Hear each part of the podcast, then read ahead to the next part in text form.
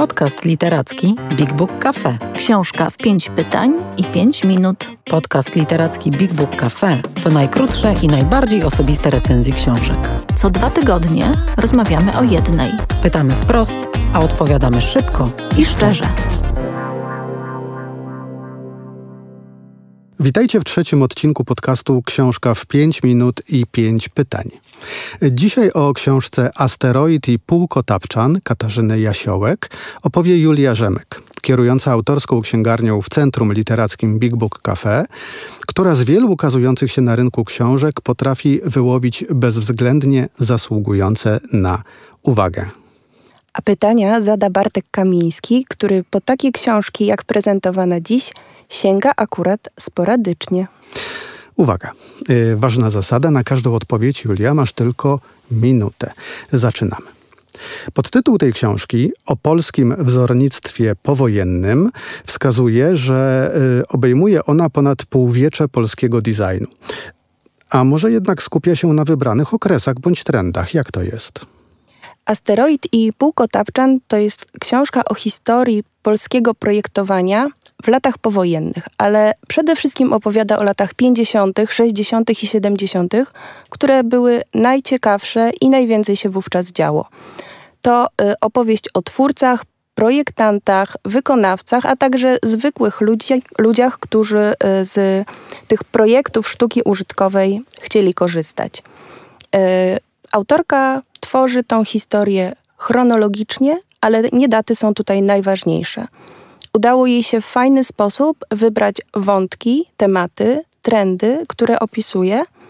E, opowiada o dziedzinach sztuki użytkowej, e, pokazuje projekty mebli, porcelany, pokazuje jak te projekty powstawały, e, jak artyści szukali inspiracji do nich. Mówi o wpływie polityki na ich twórczość, o y, zamówieniach politycznych, ale przede wszystkim opowiada o y, zwykłych ludziach, którzy y, w tych trudnych powojennych czasach próbowali urządzić swoje M3, zdobyć y, meble, porcelany, garnki, wszystkie rzeczy, które y, mogły sprawiać, że ich życie byłoby chociaż trochę piękniejsze. E to jest album. Y, czy tutaj są ilustracje? A jeśli tak, to jaką pełnią rolę? E, ta książka to nie jest album. To jest przede wszystkim książka do czytania, e, choć jest tutaj bardzo bogaty materiał graficzny.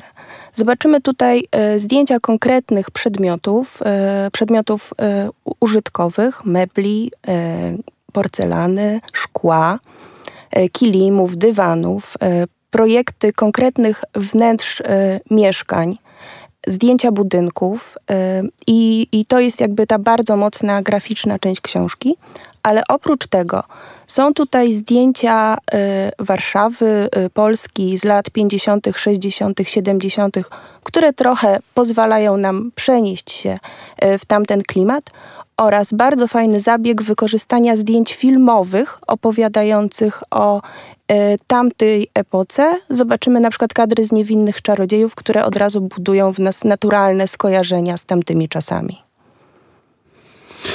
A czy ta opowieść ma szeroki kontekst i jak szeroki? Czy na przykład poznajemy losy projektantów albo warunki społeczne, w jakich e, przyszło im pracować? Na pierwszym planie faktycznie są projektanci i y, ich praca, ich e, działania artystyczne, ale kontekst, jaki pokazuje tutaj autorka, jest bardzo szeroki. Mamy tutaj e, opowieść o tym, jak wyglądało życie w Polsce w tych powojennych latach, jak polityka, gospodarka wpływały na to, co artyści mogli robić. E, super fajne są opowieści pokazujące zderzenia wyobrażeń i twórczości artystycznej z realiami życia w socjalizmie o tym, że powstawały naprawdę wspaniałe projekty, podziwiane za granicą, yy, nagradzane na wystawach, których tak naprawdę nie było gdzie kupić i nie było też za co kupić. Yy, więc yy, jakby jest to fajny miks społeczno-polityczno artystyczny. A jak to jest wszystko napisane? Tutaj są anegdoty, jakaś wartka narracja, czy to jest bardziej historyczny wywód?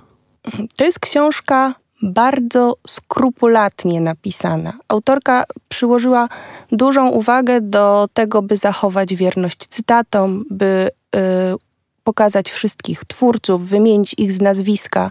Często są to osoby e, nieznane, zapomniane i w ten sposób też e, uhonorowane po latach. Ale na szczęście ten balans między ta, taką pewną encyklopedycznością, a wartością e, opowieści został zachowany.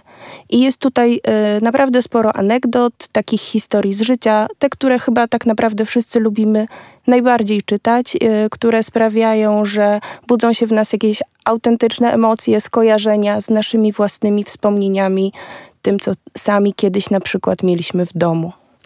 A jeśli e, chodzi o e, przedstawione w tej książce, e, opisane w tej książce projekty, znalazłaś coś, co sama masz w domu albo stoi w domu twoich rodziców? Masz jakieś może też ulubione projekty z tej książki? Ta książka faktycznie obudziła we mnie dosyć dużo wspomnień. Przypomniała mi się wizyta w domu towarowym Emilia, gdzie jeszcze jako nastolatka kupowałam y, meble, a y, przeglądając strony tej książki znalazłam tam też mnóstwo projektów, które widziałam na półkach w domu mojej babci. Część z nich moja mama zachowała i do dziś w, na jednej ścian, ze ścian wisi mm, taka porcelanowa, porcelanowy obraz projektu Alkiewiczów budzi we mnie sporo emocji, a dzięki tej książce wiem o nim znacznie więcej. Dziękuję bardzo. Ja też mam e, sporo pamiątek, drobiazgów e, po dziadkach, e, takich bibelotów z lat 50. E, e, czy 60. i chętnie zajrzę do tej książki i sprawdzę, jaka była historia ich powstania. Dziękujemy wraz z Julią. To wszystko na dziś. W następnym odcinku Bartosz Kamiński odpowie na pytania o powieść Nocny prom do Tangeru Kevina Barriego. A pytania zada Julia Rzemek, która też chętnie czyta powieści.